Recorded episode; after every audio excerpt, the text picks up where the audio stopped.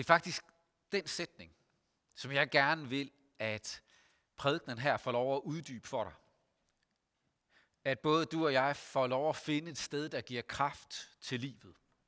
Giver mod på livet. Det har vi sådan brug for. Ofte så kan vi stille hinanden øh, spørgsmålet, har du mod på det? Har du mod på det forud for en stor eksamen? Forud for en stor beslutning? En vigtig kamp? Har du mod på det? Eller kan du bevare modet, når vi står midt i en skuffelse? Står med en bristet drøm? Står over for en pandemi, der har trukket tænder ud? Står over for sygdom? Sidder ved en syg?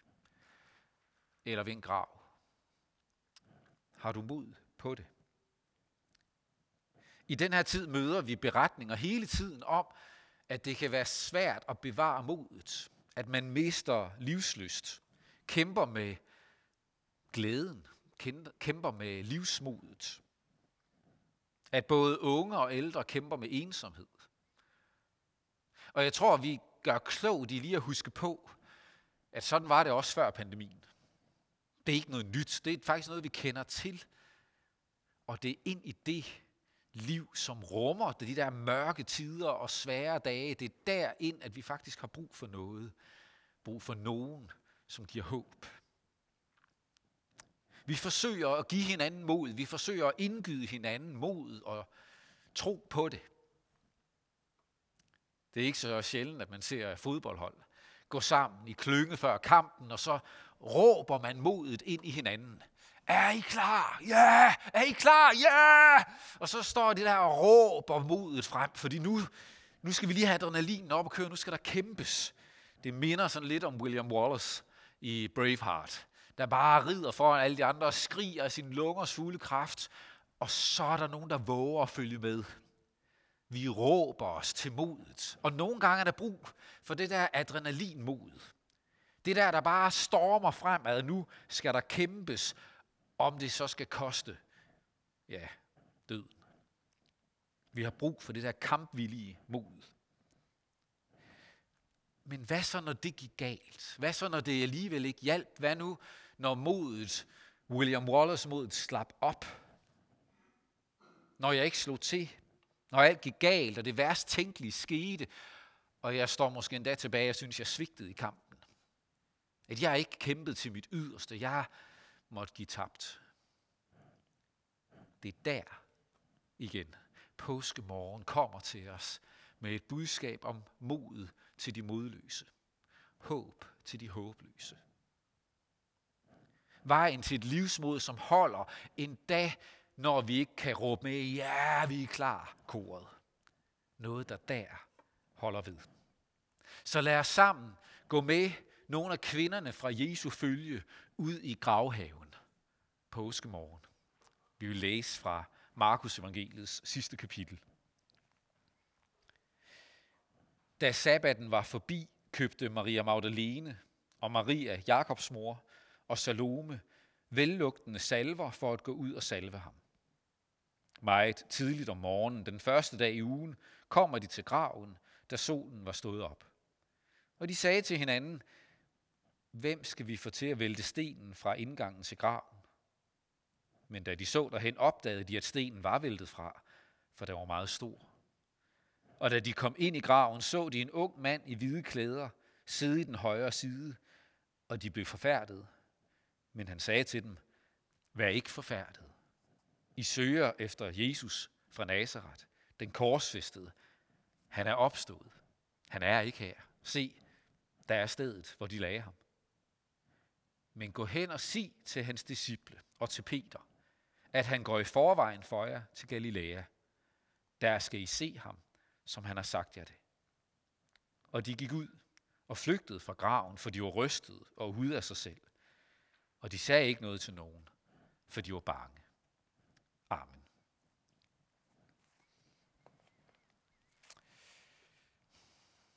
Almægtige Gud,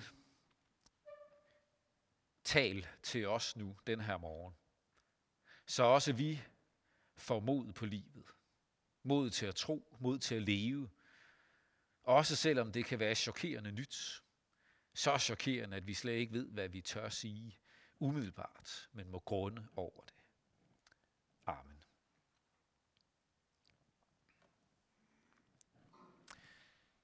De gik ud i gravhaven, uden nogen særlig gennemtænkt plan. De havde set ham dø, dø fredag på korset.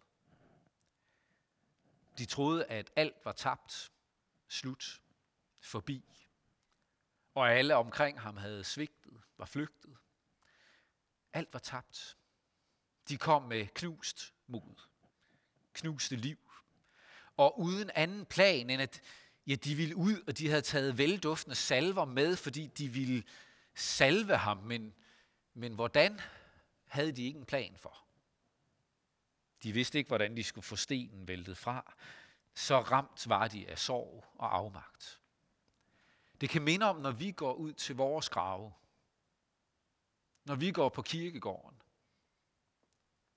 Når jeg går derud, så går jeg jo ikke derud med en plan. Jeg går ikke derud med en forventning om, at der skal ske noget skældsættende. Ske noget nyt. Jeg går til graven for at stanse op. For at mindes. For at sørge. For at give plads også for taknemmeligheden. Og med tiden kan vi lykkeligvis opleve, at taknemmeligheden, minderne, det der fylder os med tak for lov at, at tage over og fylde mest, når vi står der. At vi bliver fortrolige med gravens ro og plads til minder og taknemmelighed. Sådan gik de derud. De gik ud i graven, ud til graven, i gravhaven, og den morgen skiftede haven navn. Haven skiftede navn til opstandelseshaven. En engel mødte dem med ordene, han er ikke her. Han er opstået. Der er stedet, hvor de lagde ham. Og gå hjem og sig til disciplen, at han går i forvejen for jer til Galilea. Der skal I se ham igen. Han, er gået i for, han går i forvejen for jer. Den sætning, den er helt vild. Han går i forvejen. Det er ikke, det er ikke den der sproglige øh, eufemisme, sådan en, en pæn måde at snakke om døden på. Han er gået i forvejen over til den anden side, eller de, som gik foran Og Sådan. Det, det er ikke sådan en eufemisme, det, det, det er faktisk konkret. Han går i forvejen for jer. Han er stadig i live. Han har besluttet sig for, som han tidligere har sagt, han vil møde jer i Galilea og sige det til Peter og disciplene. Han går i forvejen. Der er stadig et liv at leve. Ikke et liv uden ham, men et liv med ham. Nu skifter haven navn fra gravhave til opstandelseshave. Han går i forvejen. Han er her stadig.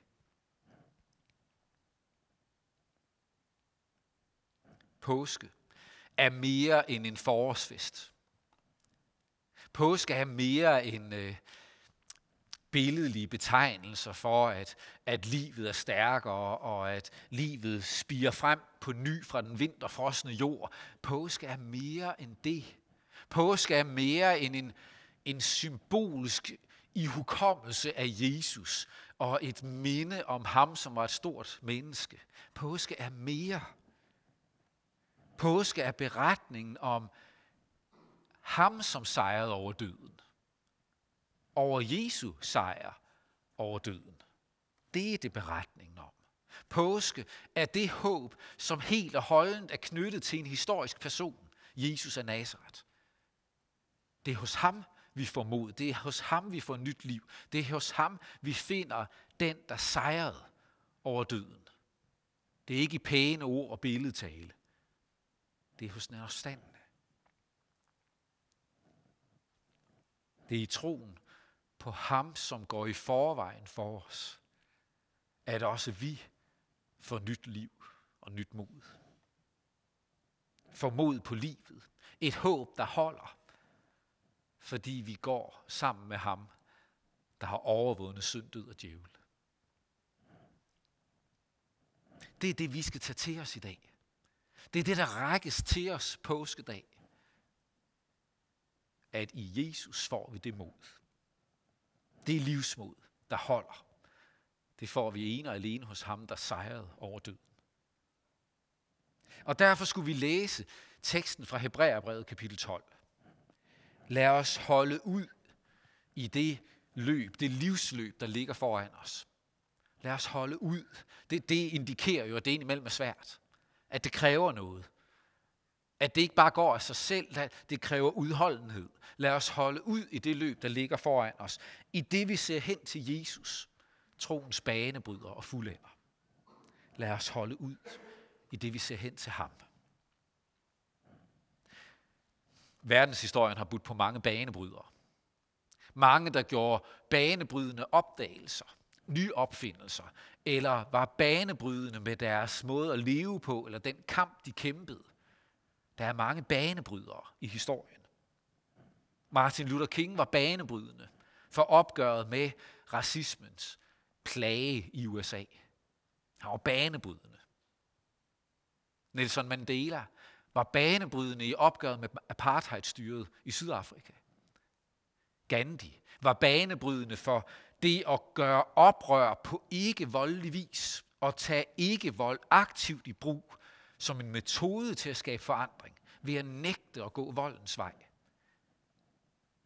Martin Luther King, Nelson Mandela, Gandhi, de var banebrydende hver især. Men også kun det. Efter dem var der andre, der måtte tage over. Det kan godt være, at de havde fået, var på vej til at bryde et hul. At der var noget på vej til at ske, at de fik åbnet op for noget nyt. Men der er stadig kampe og kæmpe. Der arbejdes stadig på at skabe en ny hverdag i Sydafrika. Der arbejdes stadig væk og kæmpes mod racisme i USA og alle mulige andre steder. De var banebrydende, men andre må tage over og kæmpe videre. Jesus er troens banebryder. Han var banebrydende på mange måder. Han var banebrydende for ydmyghed og tjenersind. Det var bestemt ikke blandt de antikke dyder, sammen med mod, visdom, retfærdighed og selvbeherskelse. Det var de klassiske dyder. Det var det, der var anset i den græske, græsktalende kultur. De klassiske dyder, der hørt ydmyghed bestemt ikke til. Nej, ydmyghed, det var lige med ydmygende. Det var skamfuldt. Man skulle ikke ydmyge sig og, og sådan tage en, en lavere status på sig til glæde for andre. Det var vandærende. Det gjorde man ikke, men Jesus skabte en revolution for ydmyghed. Sat det ord på banen, viste en vej, som blev banebrydende for en ny måde at leve på.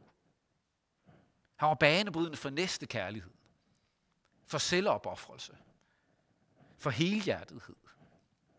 Banebrydende i et opgør med, med tempeldyrkelsen i Jerusalem, og måden man havde sin gudstyrkelse på. Han var banebrydende for et nyt syn på det banebryder. Og var han blevet i graven, så var han ikke andet end det. Så var han aldrig blevet mere end banebrydende. Så var han en, vi kunne se hen til, se op til. En, vi kunne sige, lad os forsøge at gøre som ham, fortsætte den kamp, som han begyndte på, og se om vi kan være med til at gøre åbningen større for næste kærlighed i den her verden. Lad os se, om vi med ham som forbillede kan give mere plads for helhjertet gudstro og overgivelse og hengivenhed. Lad os forsøge at efterligne ham, videreføre kampen for ham. Var Jesus blevet i graven, så er han bare banebrydende og eksempel for et edelt liv og en værdig død trods ydmygende omstændigheder. Kun det.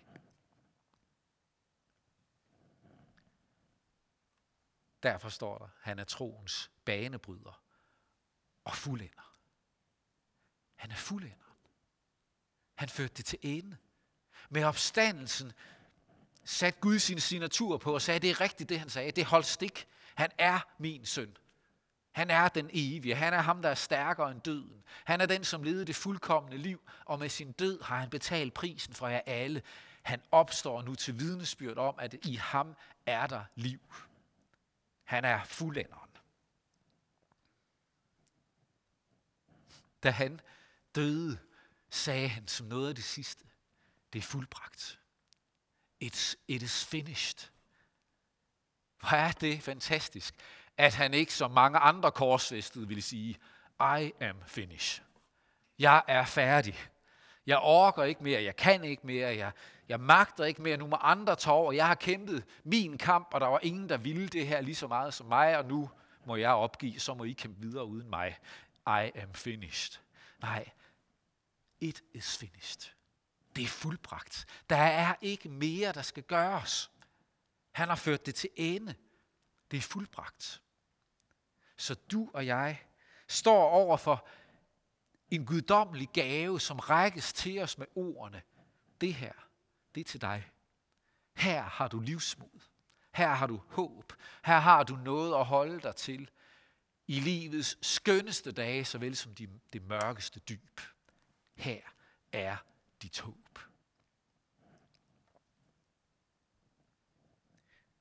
Lad os se hen til troens banebryder og fuldender, som for den glædes skyld, der ventede ham, udholdt korset uden at indse det skam.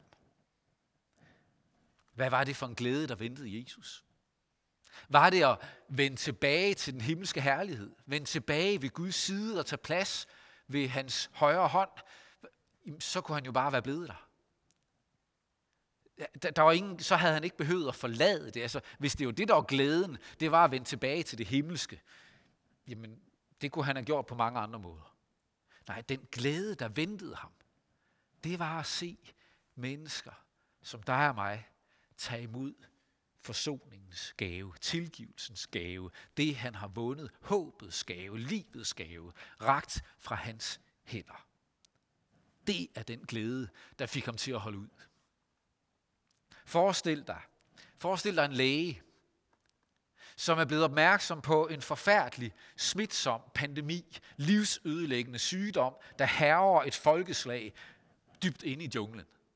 Og den her læge, han investerer al sin rigdom, al sin tid, alle sine kræfter på at udvikle en medicin, der kan afhjælpe den her sygdom. På at rejse afsted, skaffe midler, få det produceret, rejse ind, og så ofre sit alt på at bringe den her lægedom til det folk, som lider under den epidemi. Hvad vil den læges største glæde være? Det vil være at se et folk, der kommer til ham en for en og tager imod medicinen.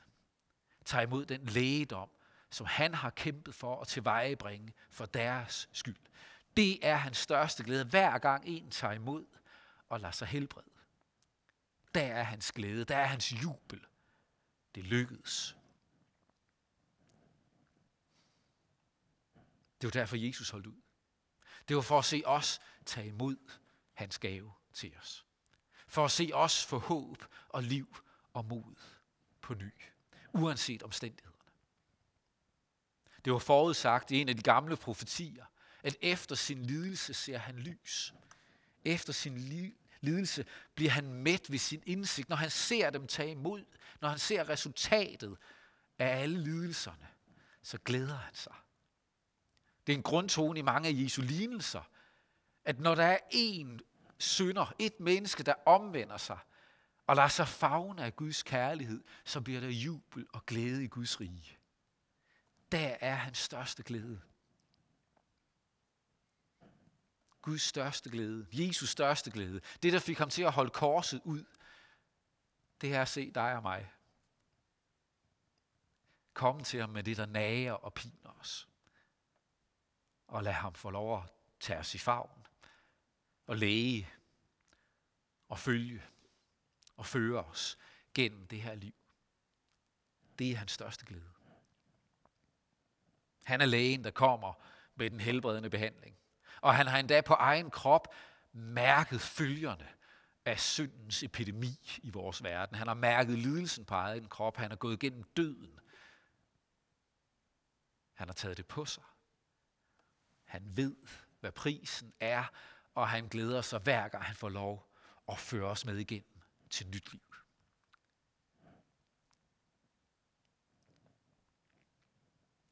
Se hen til ham, troens banebryder og fuldender, så du ikke mister modet.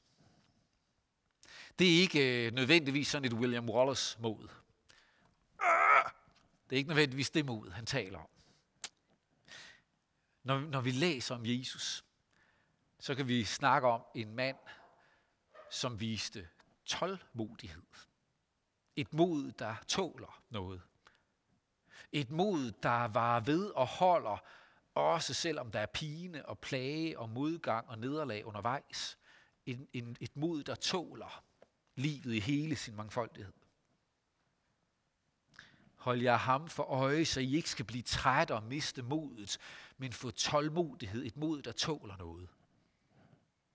Han var langmodig.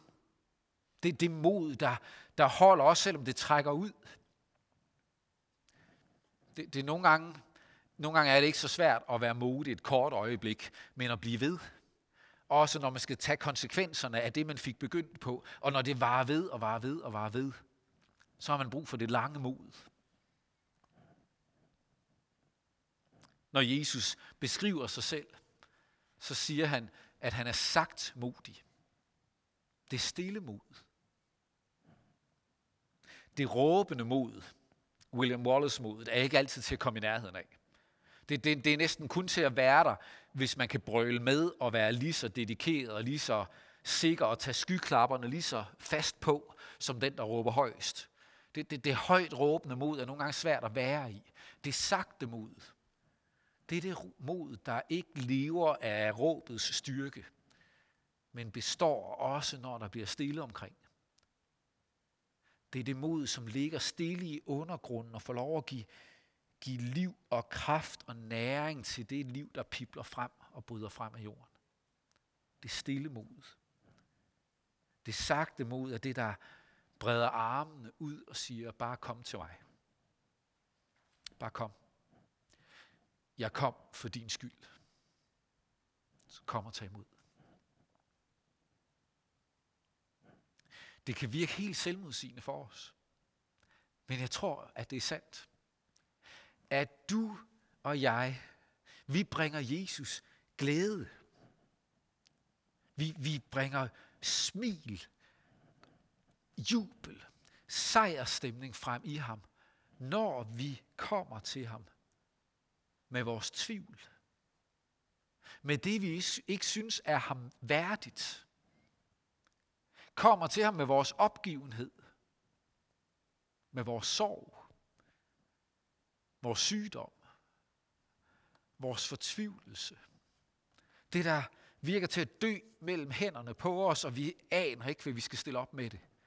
Når vi kommer til ham med alt det, vi ikke synes er ham værdigt, så breder han armene ud og tager imod os med et smil og siger, det var jo lige præcis derfor, jeg kom. Det var lige præcis derfor, jeg blev menneske. Det var derfor, jeg gik gennem døden. For din skyld. For at du skulle have et sted at komme med alt det der. Så bare kom til den modige og få nyt mod, nyt liv, nyt håb. Så det er glædelig påske til dig og til mig. Amen. Lad os bede sammen.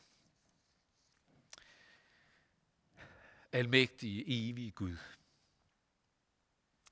Tak, at du så til os, så til vores verdens lidelse og nød. Tak, at du ser os, når livsglæde fylder os, og når livslede har ramt os. Tak, at du ser os og kender os, du ved, hvad der tynger os, hvad der begejstrer os, hvad der skuffer os, hvad der glæder os. Og tak, at dit ord til os er en invitation. Kom til mig. Alle I, som slider jer træet og bærer tunge byrder, og jeg vil give jer hvile. Og med din opstandelse viste du os, at det ikke er tomme ord, men at der er liv hos dig stærkere end døden, stærkere end ydmygelse, stærkere end nederlag, stærkere end enhver grav, uanset hvad der ligger i vores grav, så er du stærkere og kan bringe nyt liv. Så hjælp os, så vi tager imod og lever livet i opstandelsens lys. Det beder vi om. i dit navn, Herre Jesus. Amen.